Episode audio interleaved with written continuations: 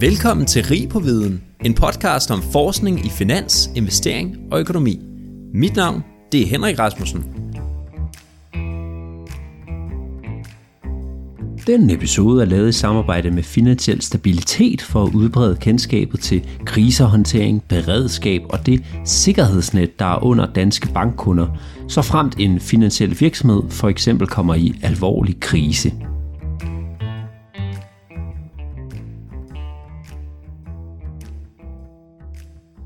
I marts måned der blev der sendt rystelser gennem den internationale banksektor, da Silicon Valley Bank og flere andre amerikanske banker faktisk gik konkurs, mens Credit Suisse herhjemme i Europa også blev truet på livet.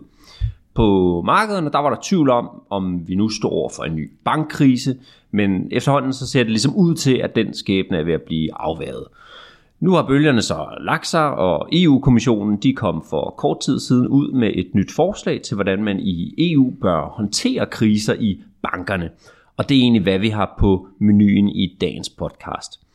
Den her gang, der har jeg Jens Werner Andersen med mig, som er direktør for kreditøkonomi og IT hos Finansiel Stabilitet, og så er du uddannet økonom fra Aarhus Universitet, Jens.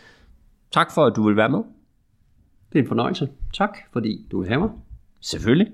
Jeg synes lige hurtigt, vi skal starte med at gå igennem, hvorfor det pludselig er blevet så populært igen at tale om bankruns og bankkriser, fordi mange har måske nok hørt om Silicon Valley Bank og Credit Suisse, men, men for ligesom at, at tage et lille brush up, vil, vil du så forklare kort, hvad der egentlig skete her i marts?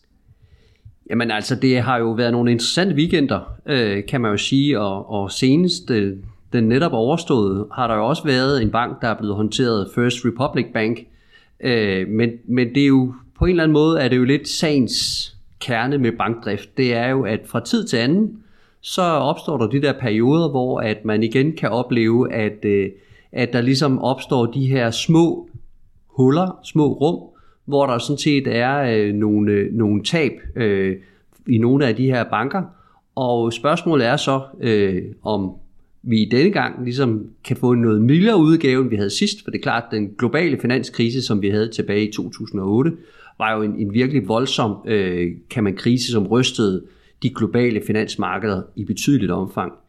Øh, men dengang har der i hvert fald indtil videre været nogle små øh, tilfælde, øh, selvfølgelig store i, i, i, når man måler på balance, men klart størrelsesmæssigt i USA, så taler vi stadigvæk om den 14. og den 16. største bank.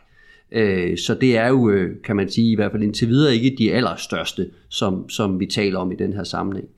Men altså, man kan jo sige generelt set, så er det jo, det er jo så eksempler på, at, at, øh, at kriser også udvikler sig øh, på en ny måde, og, og den her gang har vi jo så set første eksempler på vel det, man kan kalde digitale bankruns. Altså det her med, at, øh, at midlerne meget, meget hurtigt kan forsvinde ud af bankerne, øh, og med de konsekvenser, det nu giver. Øh, Øh, så det er klart, det er en anden måde at, at, at se øh, bankruns på, end, end vi så tilbage i finanskrisen. Dengang tror jeg mange husker kunderne, der stod ude foran Northern Rock, som forsøgte at hive deres penge ud, øh, fordi de var bekymrede for, om de kunne få deres midler. Øh, her der er der jo så med mobile phones og computere, at folk har siddet og overført midler. Og det er klart, det er en anden måde at, at, at se bankruns på, end det var i gamle dage. I gamle dage, der stillede man sig i kø, og der så man køen. Her der stiller folk sig i kø på serveren i stedet for, for at få overført midlerne. Øh, og det man vel også kan sige, det er jo så, at, at de her øh, eksempler, der så har været, har jo også været kendetegnet ved, at der er altid nogle særlige forhold. Øh, I USA øh, kan man jo sige, at de der øh, krisebanker, som vi, vi taler om, altså særligt jo Silicon Valley Bank og også den her First Republic, jamen noget af det, der jo har gjort sig gældende, er jo, at eksempelvis i Silicon Valley Bank, der var det, der var det deres øh, bog af, af værdipapirer, som jo var optaget til, øh, til, kan man sige, matematiske kurser, og ikke en mark-to-market. Øh, og da den historie begyndte at køre om, hvor store tab der egentlig var på den portefølje, som ikke var optaget i regnskabet, og heller ikke kapitalen var belastet af det, jamen så var det jo, at, at, at det lige pludselig begyndte at skubbe til kunderne. Og særligt jo dem med de store indskud, øh, og de havde jo en stor portefølje af, af venture-selskaber, som måske havde været ude at rejse kapital, og dermed havde stor likviditet stående på deres konti, jamen de begyndte jo hurtigt at flytte pengene ud, og dermed var det der digitale bankrun sådan set også i gang i, i Silicon Valley Bank. First Republic, øh, som jeg har læst mig til, er mere jo er kendetegnet ved lidt mere traditionelt. De problemer, der er med bankdrift, er jo, at man har en, en, en indskudsbase, som er flygtig, øh, og så har man placeret de, øh, den likviditet i nogle illikvide lån. Øh, og øh, det skulle jo gerne være sådan, at den lånebog, man så har udlånt til, at den klarer sig relativt godt, og der er First Republic vel et udtryk for, at, at man ligesom har set ind i, at noget af det her udlån til særligt commercial real estate øh, marked er begyndt at give sig, øh, og det giver anledning til, at der måske kan lægge nogle større tab. Og det vil man kan man sige, det er, det er sådan lidt mere traditionelt det her med, at der opstår usikkerhed om bank, fordi det banken har placeret i, er måske ikke længere helt så godt, og dermed kan give risiko for nogle større tab ned ad vejen. Og dermed så begynder kunderne lidt nu at prøve at egentlig sikre sig, sådan at de ikke får tab på deres indskud. Mm. Og jeg havde hørt i, i forbindelse med, med Silicon Valley Banks øh, øh, krak, at, at der kunne der måske også trækkes nogle tråde til for eksempel de øh, Øh, stramninger, der har været pengepolitisk i, i USA med, med højere renter, og, og det er lidt sværere at få kredit, og, og likviditeten begynder også at blive lidt presset, netop af, af mange af de her indskydere, som du siger, var, var store øh, venture capital fonde, øh, at, at de ligesom havde brug for likviditet for at køre deres, deres forretning, øh, og det var svært, det er jo svært nu i dag at få lån til den samme rente, som man kunne historisk set, øh, Øh, og derfor så er et alternativ så i stedet for at låne og trække sin likviditet ud af en bank som Silicon Valley Bank. Var det også en, en del af det? Altså som, som jeg også har læst mig til det, så er det klart, at, at, at netop det, at venture-markedet har været presset på grund af likviditeten, øh, er blevet strammere efter, at, at øh, centralbanken både i USA og også jo ECB øh, har hævet renterne, plus at de jo også er begyndt at egentlig nedbringe deres balancer, jamen så er der jo bare mindre likviditet til rådighed, og det rammer jo også særligt jo noget af det mest risikable, øh, altså typisk det der venturemarked øh, som det første. Og så kan du sige, at, at rentestigninger har jo så også direkte øh, givet sig anledning til, at Silicon Valley Bank har fået nogle tab på deres værdipapirer, øh, og det er jo så været, været ligesom en, en double whammy. Altså dels er der kunderne, der trækker ud, og så også det med, at de får store tab på deres, øh, deres værdipapirer. Og så er der jo så det her med, at Europakommissionen de er lige kommet med et nyt forslag om, hvordan man håndterer kriser i de europæiske banker. Øh, og det er jo egentlig deres andet skud på, på stammen i den her sammenhæng, så vidt jeg forstår, øh, for de fremsatte også et, et forslag i 2014 til et øh, bankgenopretnings- og, og afviklingsdirektiv.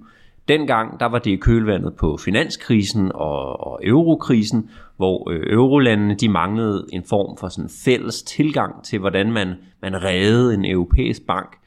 Øhm, hvad gav det dengang af problemer øh, efter finanskrisen i kølvandet på den, at EU ikke var særligt koordineret på det her område med, hvordan man ligesom redder en bank?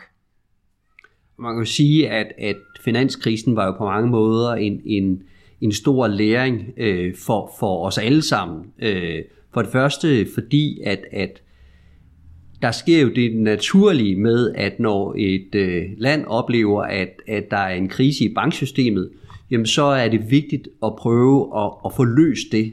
Fordi banksektoren spiller så central rolle i økonomierne generelt. Og, og, øh, og, og hele den løsning indebar så typisk, at man jo prøvede lidt at tage højde for sine egne forhold. Og det gjorde, at det blev meget fragmenteret, de løsninger, som man så til at starte med under finanskrisen, hvor land, hvert land forsøgte at løse sine egne problemer. Øh, og dermed fik man de her sådan meget øh, forskellige løsninger. Øh, man kan jo sige, at i England var der jo flere af bankerne, der egentlig blev nationaliseret, altså Royal Bank of Scotland blev basalt set nationaliseret og overtaget af den engelske stat.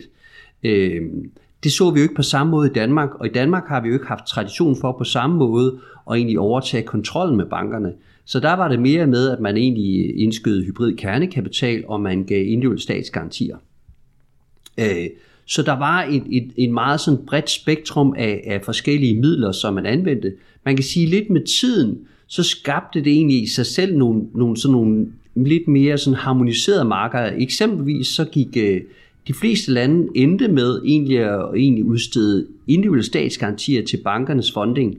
Det var ligesom den model, som man fandt ud af, det virkede egentlig på en god måde, hvor man lidt gav dels bankerne noget tilskud til at sikre sig funding, men det var ikke hele bankens balancer, der egentlig var garanteret. Øhm, så det var egentlig en, en, en måde, hvor man fik sådan lidt nogle, kan man sige, nogle lidt mere standardiserede løsninger med tiden. Øh, derudover kan man vel også sige, at det der sådan set var lidt med til at holde en lille snor i det hele, var EU statsstøtteregler, som trods alt gjorde, at der var ligesom grænser for, hvor, hvor, hvor vildt det kunne gå, kan man sige. Øhm, så, så det var, men det var, det var virkefeltet og virkemidlerne var meget, meget brede, øh, og der var meget, meget forskellige løsninger, som man så. Øh, ja. hvad, hvad havde det ligesom af ulemper, det der med, at, at de forskellige lande i Europa havde en, en forskellig tilgang til, til deres banker? Altså, var, førte det nogle ulemper med sig? Altså, man, man havde jo mange eksempler på, at, at der jo nærmest opstod kriser mellem lande, øh, fordi at man, man netop forsøgte lidt at varetage egne interesser. Øh, og, og, og særligt jo nogle af de der islandske banker, som havde været meget aktive, Øh, jeg tror nok, at, at der så man i mange tilfælde det der med, at, at der var flere lande, som forsøgte ligesom at skærme sig øh, mod nogle af de ting, som der ligesom kunne falde ud, hvis nogle af de der islandske banker øh, faldt ud af systemet. Øh, så hele det der med at ringfence ting og ligesom sørge for, at man får flest mulige aktiver til at sikre ens egen landes øh, indskyder, var jo et af, et af de store problemstillinger, som man så under finanskrisen. Ja. Øh, og det er jo klart uhensigtsmæssigt i, i, i en situation, hvor man jo egentlig er i en del af samme fællesskab. Øhm, ja, man sådan slås om midlerne. Præcis. Hmm. Så tænker jeg ellers, der må være sket nogle forbedringer siden det her forslag i 2014. Øh, så, så hvorfor har man stadig brug for i dag yderligere tiltag på, på det her område? Og man kan sige, at det gode var jo så, at man nu netop så fra EU's side på bagkant af finanskrisen implementerede det her øh, direktiv omkring øh, bankafvikling, øh, BRD, øh, og det implementerede vi også i Danmark øh, 1. juni 2015. Og, og det har jo været med til at sætte rammen for, at man jo sådan set nu prøver at komme på forkant med bankafvikling. Fordi det vigtigste ved en bankafvikling er altid, at man som udgangspunkt har en plan for, hvad det er, man skal gøre.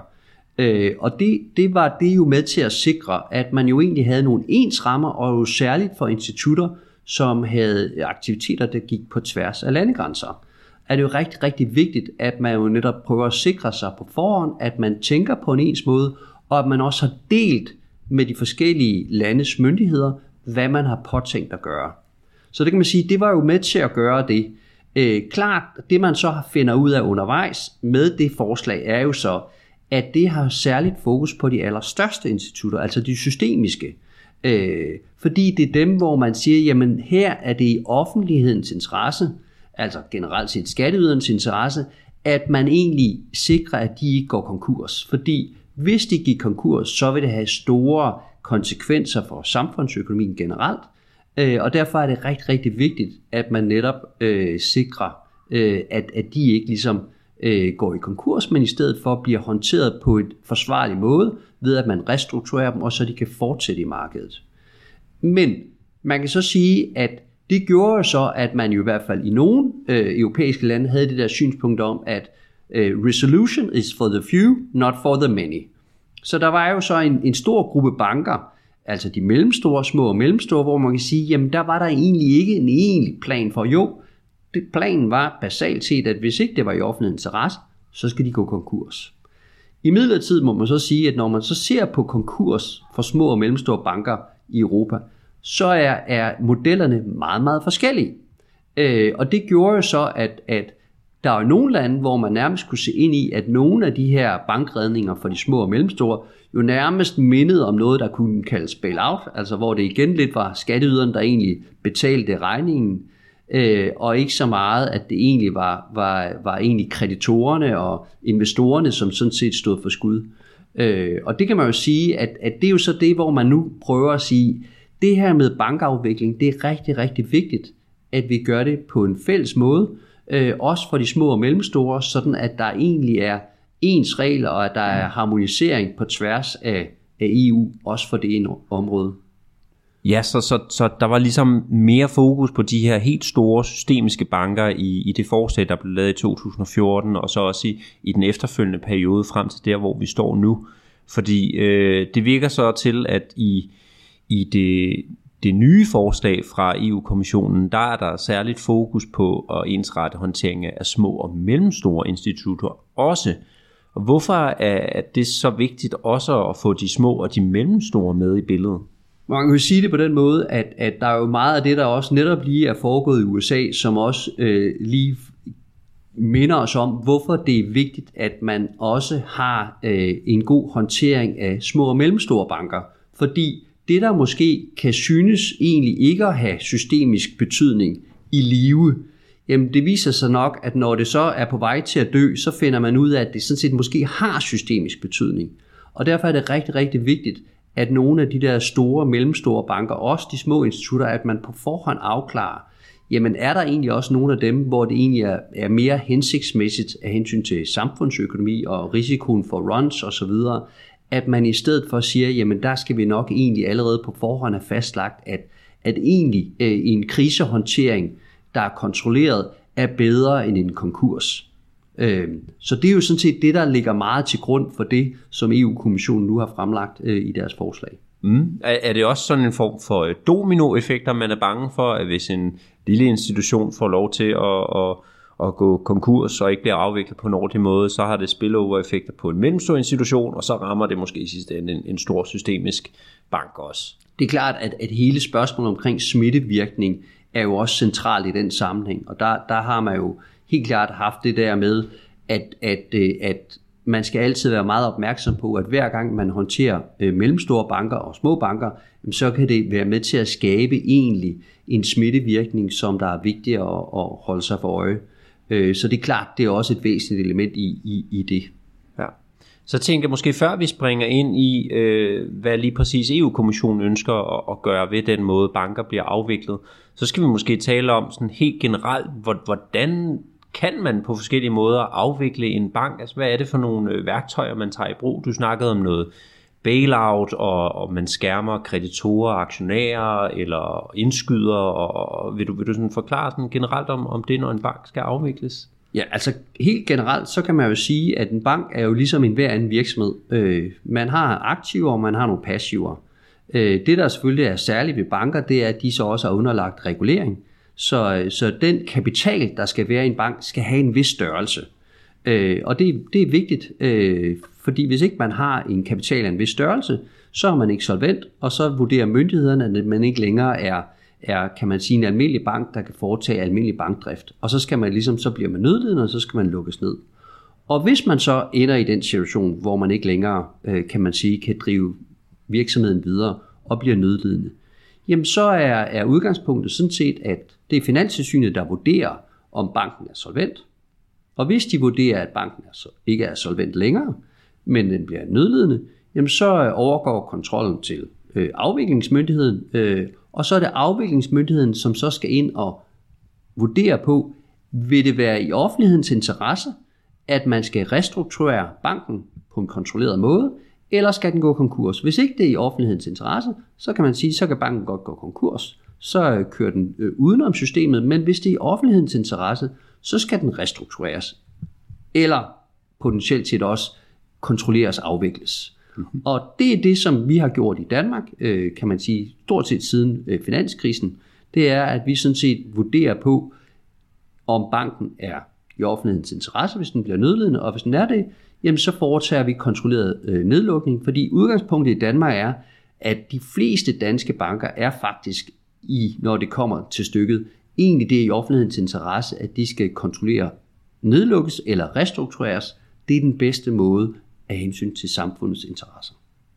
Og hvis en bank nu for eksempel får lov til bare at gå konkurs, så er det ligesom hvis en hver anden virksomhed går konkurs, at så er der sådan en, en kreditor, rækkefølge, hvor at, at for eksempel, øh, øh, jeg ved ikke, hvordan prioriteten er, måske der er nogle indskydere, der er nogle aktionærer, der er nogle kreditorer, som har lånt penge af banken.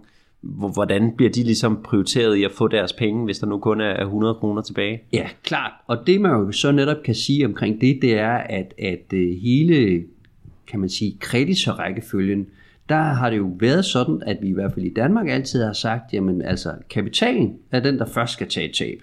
Så kan der være eventuelt også noget supplerende kapital, som også tæller med i kapitalgrundlaget. Det er dem, der første omgang ligesom tager tabet, hvis der er en underbalance i en bank. Aktionærer for eksempel? Aktionærerne ligger i den gruppe, præcis. Øh, og det, det var også det, der skete under finanskrisen i Danmark. Der, var, der tabte aktionærerne deres penge. Det gjorde de i IBH Bank, det gjorde de i Roskilde Bank. Så alle de der banker, øh, som vi egentlig overtog under finanskrisen, der tabte aktionærerne deres penge. Man kan sige, det der så skete efter finanskrisen var jo så også, at man jo så også lod øh, kreditorerne tage penge. Det skete i Jammerbanken. Der tabte kreditoren også penge, fordi der var ikke fuld dækning til alle kreditorer. Øh, og det vil sige, at der er det jo så, har det så betydning for, hvilken, hvilken paritet, hvilken, øh, hvilken øh, kan man sige, styrke man har i kreditorhierarkiet, og der er der nogen, der rangerer allerbedst. Øh, det er de dækkede indskud, de har bedst dækning, dels fordi der er en indskydergarantidækning, øh, men også fordi, at man kan sige, at, at indskydergarantien har sådan set sådan en super præference, så de er dem, der sidst tager tab øh, i kreditorhierarkiet. Hvor man kan sige, at, at øh, efter aktionærerne, jamen, så vil det være øh, NEP-kapitalen, som man har indført øh, i forbindelse med BRD-forslaget, der kom der også det her NEP-kapital står for nedskrivningsegnede passiver. Og det, det er krav til yderligere egentlig kapital til bankerne. Så det er sådan set nogle professionelle investorer, som også skal ligesom tage tab øh, i, i, øh, i det, og kan være med til eventuelt også at restrukturere banken. Fordi det er jo noget af det, som den kapital egentlig også kan fungere som. Det er en form for ekstra buffer, som sådan set kan være med til at egentlig facilitere, at man kan gennemføre, at banken kan køre videre. Fordi i den ideelle verden, der skulle det gerne være sådan, at bankens kapital er lige nøjagtigt tilstrækkeligt til, at man kan sige, jamen det var nok til, at man kunne tabsabsorbere, og så den her yderligere NEP-kapital skal så være med til at gøre, at man så også bagefter kan ligesom sige, at der skal ny kapital i den nye bank, jamen så konverterer den, man sådan set den her NEP-kapital til nye aktier, og så kan banken principielt set køre videre, som om intet var hent. Okay. Afhængig af selvfølgelig, hvor stort det tab, der, der ligesom ligger er, så kan det jo stadig gå i minus til allersidst. Præcis, fordi det er jo det, der i sidste ende altid afgør det. Det er jo den værdiansættelse, der er af bankens aktiver og passiver, og det er jo det, der egentlig afgør, kan man sige, den øh, restrukturering, som man endelig forestår. Ja. Og, og i det nye forslag fra EU-kommissionen, der, der kommer de blandt andet ind på at vil justere på det her, som, som du sagde, indskydergarantien for at, at håndtere kriser i, i bankerne. Hvad er det nu lige indskydergaranti, det er for noget? Generelt set kan man jo sige, at, at øh, i EU er der krav om, at der skal være en indskydergaranti på mindst 100.000 euro. Og det vil sige, at i Danmark er der krav om, at der er en dækning af de indskud, man har, op til 746.000 cirka. Øh, og det er jo med til at gøre, at når man øh, som almindelig indskyder en bank, så kan man egentlig uden at skulle tænke over, hvor risiko er banken, så kan man sådan set placere de penge i en hvilken som helst bank, øh, og vide, at de altid vil være dækket af indskydergarantiordningen. I Danmark har vi så derudover også, at der er nogle ekstra supplerende dækninger på blandt andet øh, pensioner med videre. Øh, men det er jo som sagt med til at gøre, at man sikrer systemet, og sådan at det gerne skulle være sådan, at hvis der opstår tvivl om en bank, jamen så vil de kunder sådan set altid tænke, jamen jeg behøver ikke at hæve mine midler, fordi jeg ved, at jeg altid får dem igen.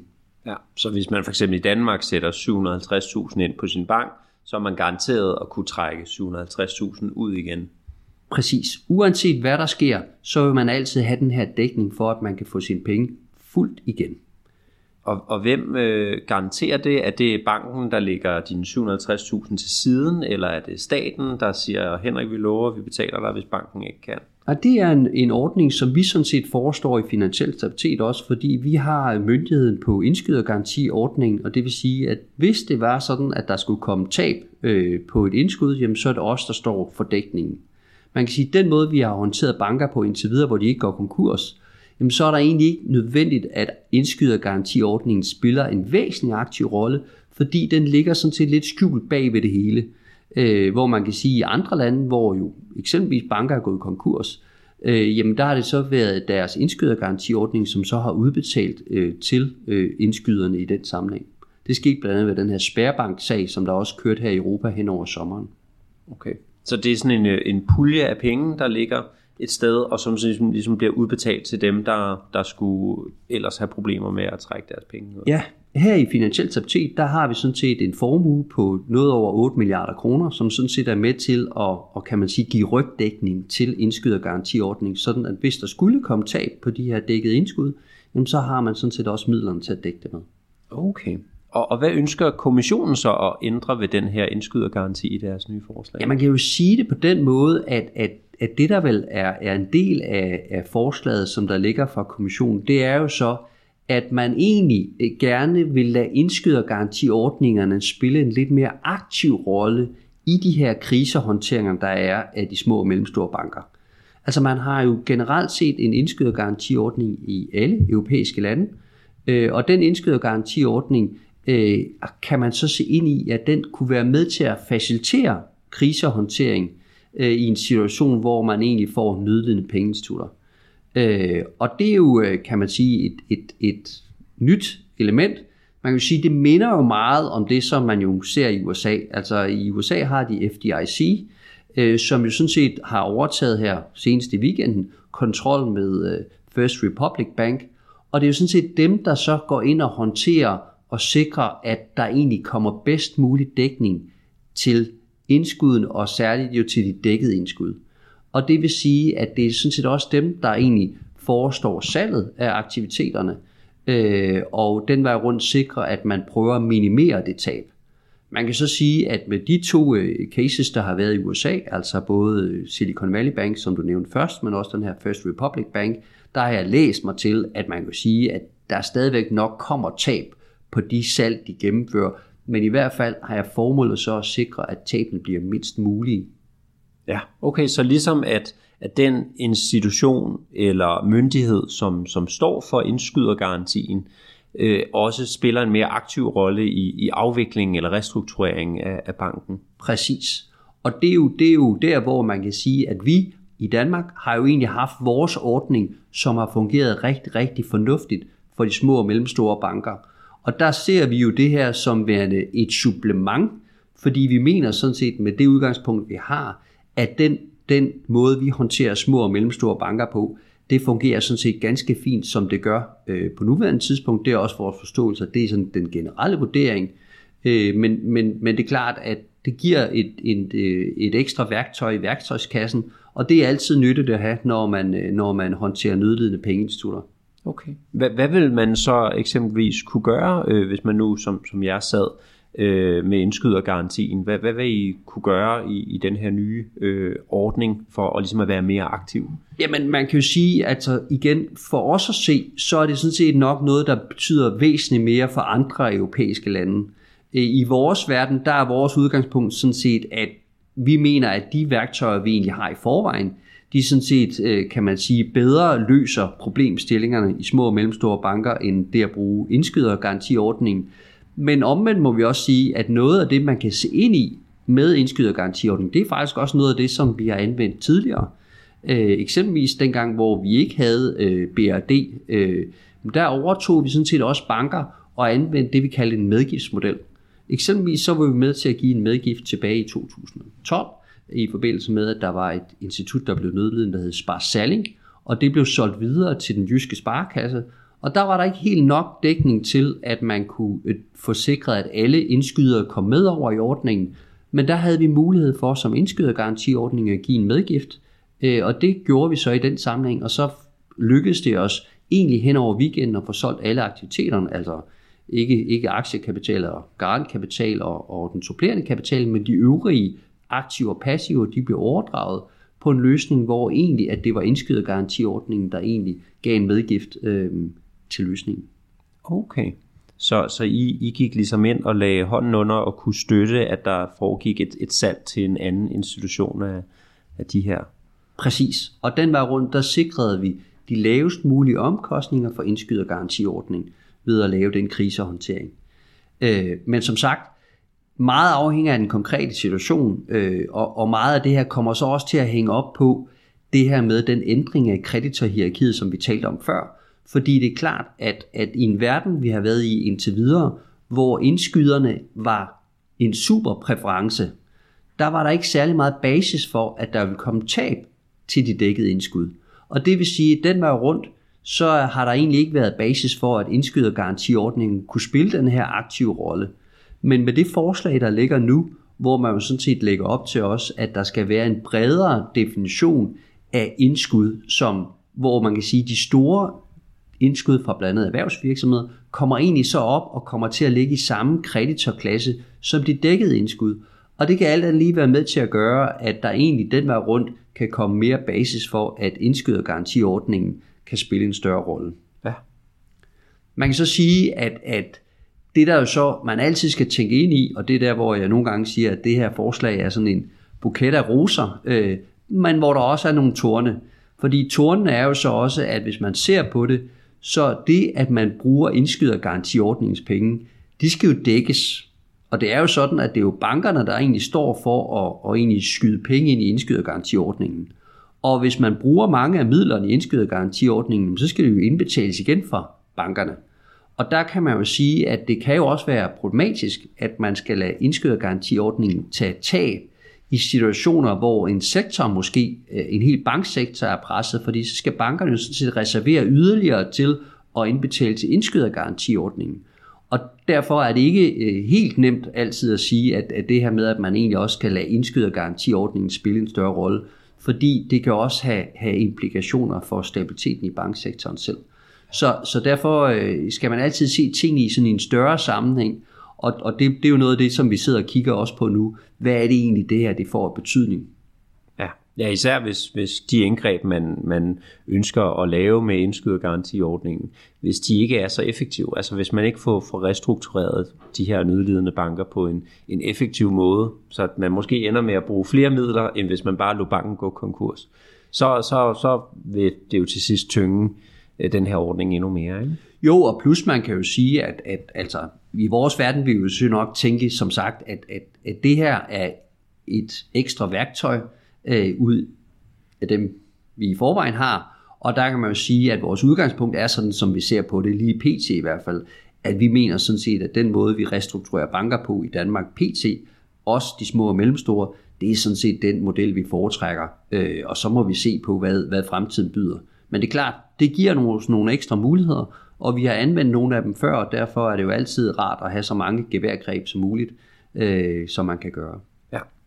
Så det her forslag fra EU-kommissionen, det præciserer også rammerne for myndighedernes øh, tidlige indgreben. Altså, øh, det vil sige, at, at de kan ligesom gribe ind, øh, før et institut, før en bank anses for at være decideret nødlidende. Før det punkt, så, så får man ligesom nogle muligheder for at, at gribe ind øh, for sådan bedre at understøtte samarbejdet mellem øh, tilsyns- og, og så afviklingsmyndighederne. Hvordan, øh, hvordan er det egentlig, det vil fungere, at man sådan kan gribe ind, før en, en bank er decideret nødlidende? Man kan jo sige, at, at, at den fase, umiddelbart før, at tilsynsmyndigheden vurderer, at en bank er nødlidende, er jo typisk den, den mest vitale øh, krise, eller vitale situation, man kan stå i. Fordi det er der, hvor at for det første er banken presset maksimalt. Banken forsøger selv at løse sin egen krise. Det har den gjort i en periode. Øh, og den har måske forsøgt at tegne ny kapital. Den har måske også forsøgt at sælge nogle af sine aktiver, for den vej rundt og få nedbragt sin balance. Men er, har måske svært ved at lykkes med de tiltag, Samtidig med, så er der en tilsynsmyndighed, som naturligvis er meget opmærksom på bankens situation, øh, og gør opmærksom på, at, at der skal findes en løsning. Øh, og i den situation er det jo så vigtigt, at der er god koordination mellem tilsynsmyndigheden og afviklingsmyndigheden, fordi det er med til at sikre, at man sådan set finder den rigtige langsigtede løsning. Øh, og der er det jo så, at man kan sige, at man jo allerede i dag har nogle muligheder for, at man egentlig også som stat kan gennemføre nogle kapitaliseringer øh, af bankerne i de her, den her tidlige indgribensfase.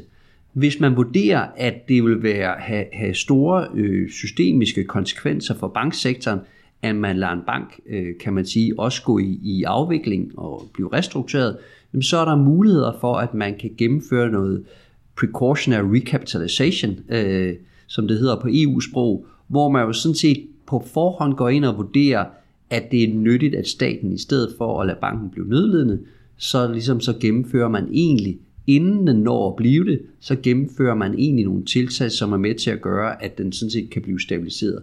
Det er klart, det kommer også med nogle, nogle, nogle konsekvenser, eller der er en pris på det, kan man sige, fordi for det første, så skal banken helt sikkert være solvent, så den skal ligesom overholde solvenskravene, og hvis staten skal gennemføre de ting, jamen, så skal det sådan set også være på vilkår, som svarer til det, som andre private investorer skal gøre.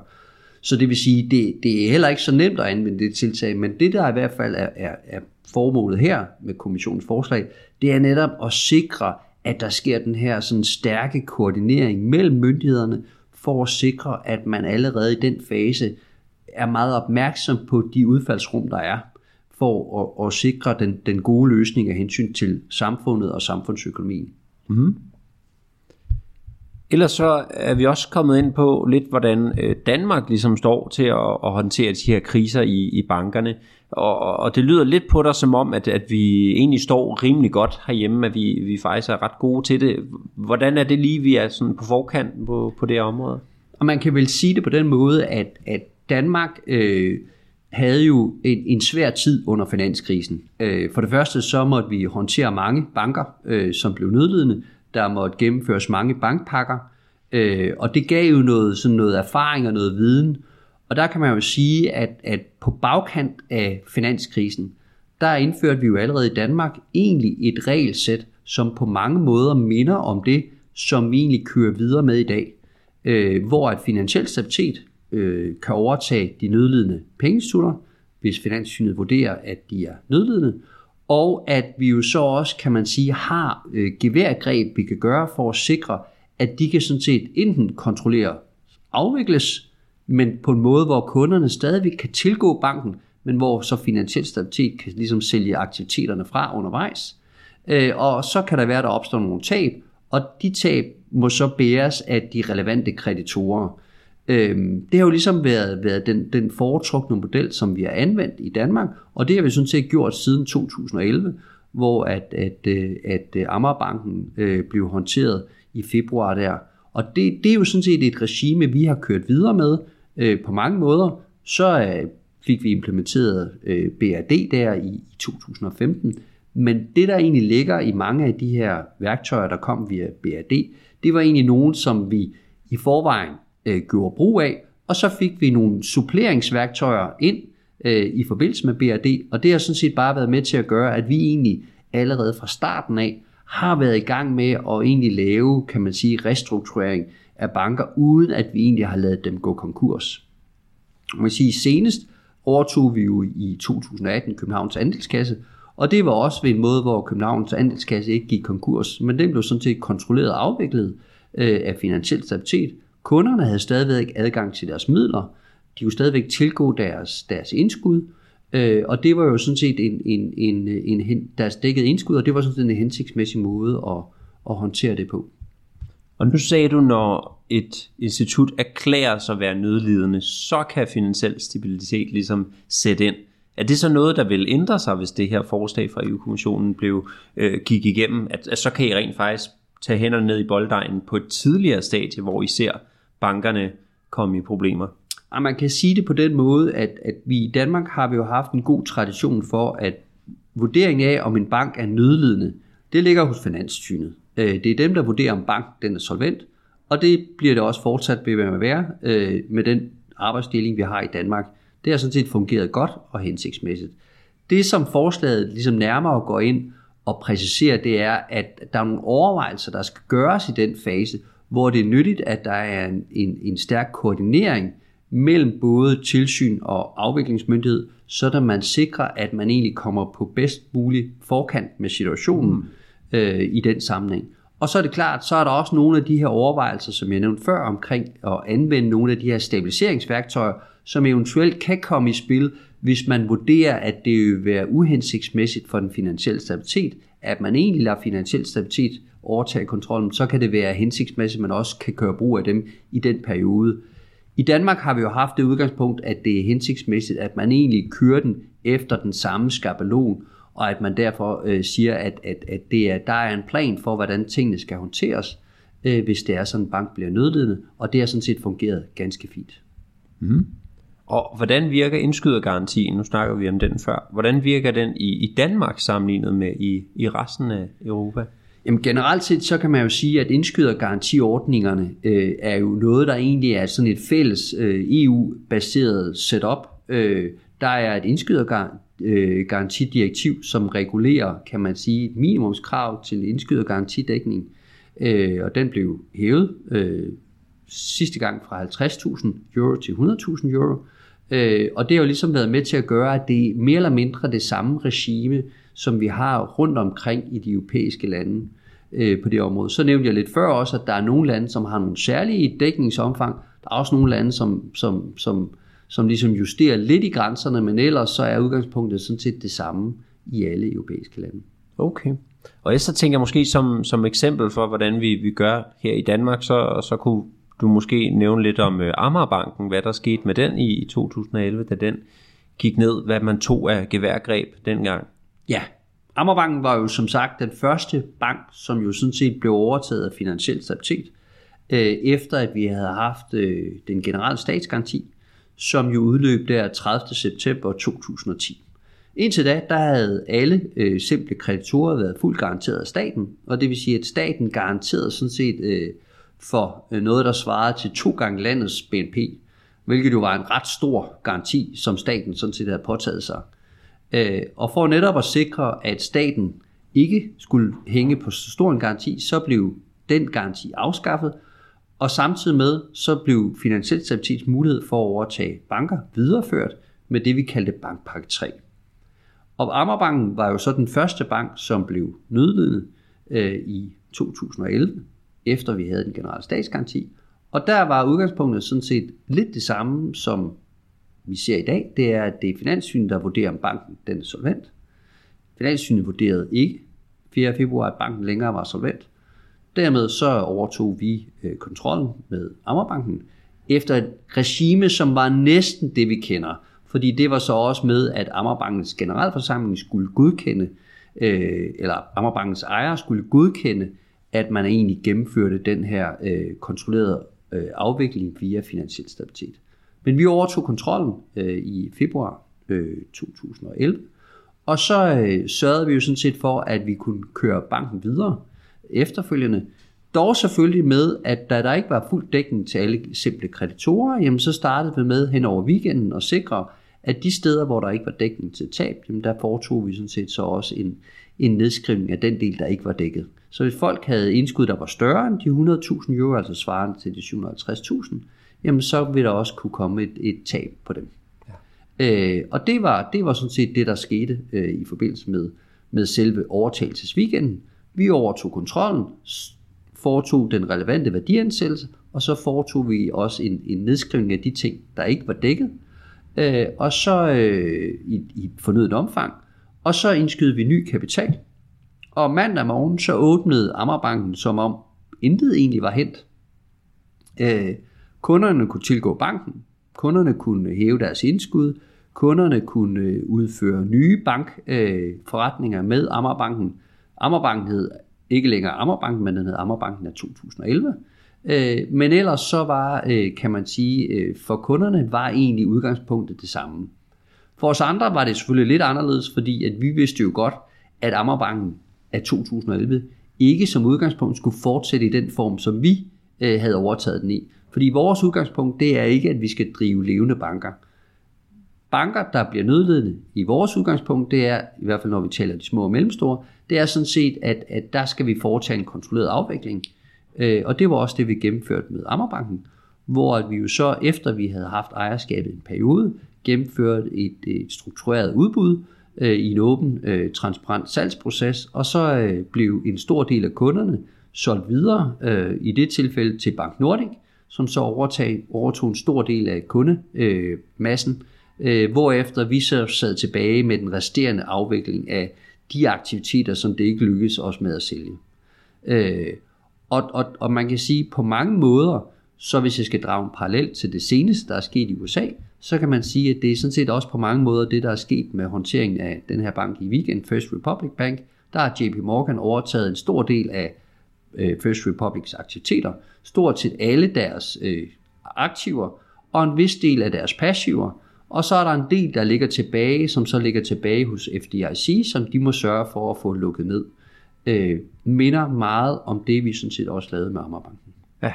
Okay, så I solgte ligesom nogle dele fra, og så sad I måske tilbage med nogle, jeg ved ikke om det blandt andet er for eksempel dårlige lån, som man ikke regner med at kunne få noget tilbage på, og så, så kan det være, at I afskriver dem, nedskriver dem til 0, eller øh, måske indkasserer nogle penge, hvis der er nogle, nogle øh, debitorer, der rent faktisk øh, dukker op med en check, eller hvad? Ja, altså der kan man jo sige, at, at, at typisk er det sådan, at når man står i en situation, hvor man så skal afvikle resterende aktiviteter, så er øh, markedet generelt set noget skeptisk over for øh, visse porteføljer. Og særligt jo i forbindelse med øh, Ammerbanken, og det var jo på bagkanten af finanskrisen, jamen der var der jo meget sådan skepsis omkring noget ejendomsfinansiering, som jo var meget, meget hårdt ramt. Og det gjorde, at der var relativt mange, som, som ikke var villige til egentlig at overtage de her sådan lidt mere det, de kaldte røde porteføljer. Øh, der, der vil man gerne overtage privatkunderne, man vil gerne overtage, kan man sige, de her sådan lidt mere kendte bankaktiviteter, hvor man også kunne lave nye forretninger med, hvorimod at de der forretninger, som nok mere havde til formål, for, at de skulle lukkes ned, og hvor man så i sidste ende måtte tage en eller anden form for dividende, det var ikke lige øh, det, der var den, den, den største efterspørgsel efter. Og man kan også sige, hvis man skal sådan se det lidt mere øh, op fra en helikopter, så kan man sige, at, at bankers værdi er jo typisk ikke skabt ud fra egentlig at afvikle aktiviteter. Det er jo sådan set med henblik på at lave nye forretninger med de samme kunder. Og derfor kan man sige, at det jo sådan set også var, var meget øh, god ræson i, at, at de aktiviteter lå tilbage, og dem har vi jo så efterfølgende forestået en afvikling af. Og hvis man ser på, hvad der er tilbage i dag, så er der meget få aktiviteter af det, der engang var Amagerbanken. Så er stort set afviklet resten siden da. Og så, øh, så sendte de mig jo et, øh, et skriv her, inden vi skulle optage øh, podcasten, med, med en lille kommentar netop på, på EU-kommissionens øh, forslag her. Og, og en af de ting, som, som I roste, en af de, de gode pointer, som I kom med, øh, i forhold til det her med, at man ligesom har en, en, en fælles tilgang til, hvordan man, man redder en bank eller et finansielt institut, både store, mellemstore og små. Øh, Øh, men det er jo det her med, at, at når, når markedet ligesom i, i forvejen er, er usikkert med kriseramte banker til den ene og den anden side, så er det ligesom ekstra vigtigt, at, at der, der er en sikker og konsistent vej frem, så der ikke kommer endnu flere unødige og negative overraskelser for investorerne, for bankkunderne og, og långiverne. Øhm, og, og med snakken om først Silicon Valley Bank og derefter Credit Suisse, så var der jo netop usikkerhed om, hvorvidt Credit Suisse gik ned, og om de blev reddet og, og så videre. Og, og det er jo netop den vind, der ligesom skal til for at, at ryste korthuset på de finansielle markeder. Så, så, så, så det, det synes jeg ligesom var en rigtig god pointe fra jeres skriv, at, at når man har den her fælles tilgang, en, en plan på forhånd for, hvad der skal ske, så undgår man den her usikkerhed, når den er aller værst. Det, det, er, jo, det er jo altid været sådan øh, for os at se, at det vigtige er øh, som afviklingsmyndighed, at, at man har en plan for, hvad det er, man vil gøre. Fordi det er med til at sikre, at, at man på forhånd tænker ind i, hvad skal der ske. Samtidig er det så også vigtigt, at man altid så også har en plan for øh, det uforventede, altså hvad der så også kan ske. Og samtidig med det, så er det også vigtigt, at man på forhånd har meddelt det til dem, der nu øh, er væsentlige interessenter øh, i bankerne, for at sikre, at der på forhånd er klarhed omkring, hvad er det, der egentlig der kommer til at ske, hvis en bank bliver nødlidende. Det er der hensyn til både, kan man sige, kunder, investorer, men også andre myndigheder, som vi talte om før, hvis der er aktiviteter på tværs, at det er vigtigt, at man egentlig deler kan man sige, det udgangspunkt, der er for at krisehåndtere banker. Fordi det kan alt andet lige være med til at gøre, at man på forhånd har bedre muligheder for at lykkes. Det er klart, at det altid vil være en, et væsentligt indgreb at foretage krisehåndtering i banker. Og derfor er der altid en risiko for, at man ikke har fuld kontrol over den situation. Men man kan gøre det bedste, man kan, og det er altid at sikre det bedst mulige grundlag, og derudover også at sikre, at der sådan er nogenlunde klarhed omkring, hvad er det for nogle aktiviteter, man vil gøre, hvis det skulle ske. Ja. Og hvis vi også lige vender tilbage til det her med store kontra mindre banker, Mener I så, at det er vigtigt også at sætte ind, når de små banker er i krise, for, for det må vel være begrænset, hvad det har betydning, når en, en mindre bank går konkurs sammenlignet med, hvis nu et stort øh, dansk institut eller, eller ovenikøbet et stort europæisk institut kom i problemer?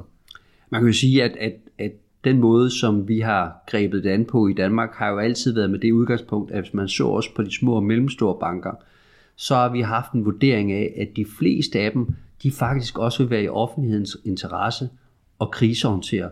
Og det skyldes, at vi jo i Danmark har en relativt digital infrastruktur. Øh, vi har nem konti, og hvis det er sådan, at man forestillede sig, at man egentlig havde midler stående på en nem konto, man skulle tilgå, men banken gik konkurs, jamen så kunne man ikke længere modtage indskud på den nem konto længere. Og derfor er det jo vigtigt, at vi i en dansk samling altid har haft det her udgangspunkt med, at når vi krisehåndterer banker, så er det typisk lidt en bredere sammenhæng, øh, hvor vi også ligesom siger, jamen små og mellemstore institutter, de skal ikke bare gå konkurs, de skal sådan set også krisehåndteres. Så kan det så være, at de små og mellemstore banker, de skal videreføres, for det er sådan set forskellen, det er, at hvis vi ser på de allerstørste institutter, der er udgangspunktet jo, at de skal jo sådan set køre videre, efter vi har krisehåndteret dem. Hvor man kan sige, for de små og mellemstore banker, der er udgangspunktet sådan set for dem, det er jo sådan set, at vi overtager kontrollen, men det er ikke med henblik på, at aktiviteterne skal drives videre i den skal, de nu ligger i, men det er med henblik på, at vi får tid til, at kunderne kan komme over i andre banker, vi kan gennemføre en struktureret salgsproces, sådan at der er andre, der kan komme ind og give den bedste pris, og den vej rundt, så sikrer vi også, at vi minimerer omkostningerne ved at krisehåndtere de her institutter. Ja. Ellers så tænker jeg i den her diskussion, så en af de største dilemmaer, øh, når det kommer til, hvorvidt banker skal reddes eller skal have lov til at, at gå ned, det er den her snak om, hvorvidt det på sigt skaber nogle giftige incitamenter. Det var der jo stor snak om med, med finanskrisen. Øh, men, men altså simpelthen, at, at man som bank bare kan trykke på speederen, give masser af risikable lån for at tjene penge, og hvis det så endelig går galt, så bliver man jo bare reddet af staten alligevel, eller hvem det nu er, der redder. Hvordan ser du på den diskussion med, at det kan skabe nogle, nogle øh, giftige incitamenter? Det er jo klart, at, at man kan sige, at, at det her med bankdrift har jo altid været noget, der har tiltrukket sig utrolig stor opmærksomhed. Jeg tror, Voltaire sagde engang, at if a banker jumps out of the window, follow him, there's money in it. Og, og det, det, på en eller anden måde, så er det jo meget rammende for det, at, at hvis man først er i en krisesituation som bank, så er det relativt enkelt og nemt at foretage nogle spekulative vedmål med håbet om, at de går hjem, og hvis man på forhånd ved, at der er altid en rygdækning via en stat, og dermed via skatteyderne, jamen så kan man sige, så har man garderet sig for, at hvis det går dårligt, og hvis det går godt, så kan man jo komme ud af krisen ved at have foretaget det her vedmål, og så kan man køre videre. Og derfor det her med de her giftige incitamenter, som du nævner, er jo rigtig, rigtig vigtigt at holde sig for øje. Og der kan man jo sige, at, at, at det der jo har været kendetegnet ved den måde, vi har krisehåndteret institutter på i Danmark, siden øh, finanskrisen har jo været, at det har været med det udgangspunkt, at skatteyderne skal ikke betale for krisehåndteringen af banker. Øh, og den vej rundt, så, så har man ikke den her risiko for, at der ligesom sker den her, øh, kan man sige, konflikt. Øh, men men den, er, den er meget åbenlyst, og den er også åbenlyst på den måde inden for en bank, fordi bankens aktionærer kan jo også godt have modsatrettede interesser i forhold til bankens kreditorer. Øh, fordi igen, bankens aktionærer kan have en interesse i at lave vedmålet. Det gør, at de fortsat har nogle aktier, der har værdi. Hvorimod, hvis det går dårligt, jamen så er det sådan set kreditorerne, der tager regningen. Så det her med øh, de her giftige incitamenter i en bank, hvor at man nærmer sig sådan en krisesituation, de er rigtig, rigtig vigtige at holde sig for øje. Og det er også vigtigt at holde sig for øje, at den måde, man vælger at krisehåndtere på, der har man en klar plan for, hvordan man skal gøre det, sådan man sikrer, at det netop ikke er skatteyderne, der skal betale for den dårlige bankdrift. Ja. Er det så der, ligesom skillevæggen går for dig, at hvis, hvis man redder aktionærerne og kreditorerne på bekostning af, af staten og, og borgerne, øh, så er det ligesom der, der virkelig er nogle incitamentsproblemer, hvis det sker. Altså ja. man bør altid lade, lade aktionærerne og, og nogle af, af dem, der har lånt penge til banken, også tage nogle tab. Udgangspunktet er for mig at se, at, at man får den bedste model, når man sikrer, at dem, der egentlig har hånden på kogepladen, det er også dem, der egentlig vurderer på, hvad der er bedst øh, for, for, for situationen. Og det er klart, at, at i den situation, så hvor at man, man har banker, øh, som, øh, som har, øh, kan man sige, nogle interesser, som måske ikke er helt sådan øh, alignet i forhold til, hvem der nu ligesom kommer til at tage tabene, jamen så kommer der altså mismatch. Og derfor er det så vigtigt øh, for mig at se, at man netop har lidt den her klare, kan man sige, vurdering af, at man altid skal foretage en vurdering af, øh, hvad er der egentlig af risici ved at gennemføre de her transaktioner, øh, og er der, er der risiko for, at jeg kan få tab, jamen så skal jeg overveje det i forhold til min placering af øh, midler. Øh, om det så er i aktier, eller det er i, øh, kan man sige, indskud, eller hvad det måtte være.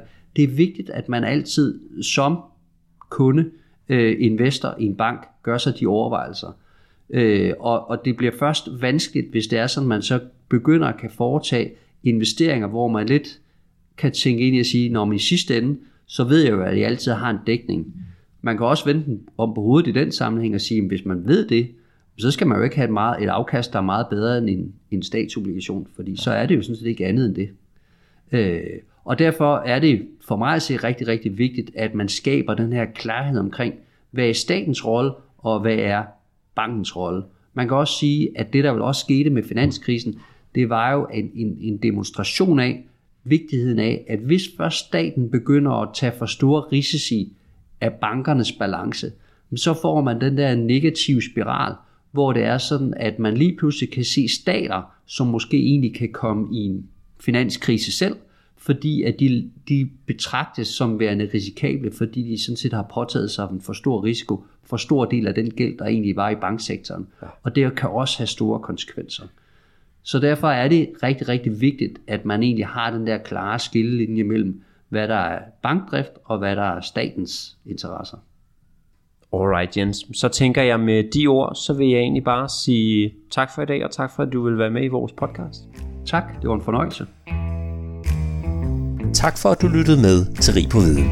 Jeg håber at du lærte noget, og hvis du nu synes godt af vores podcast, så kan du støtte os ved at følge den på Spotify eller skrive en anbefaling på iTunes.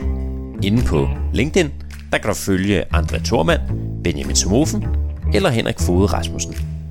På genhør.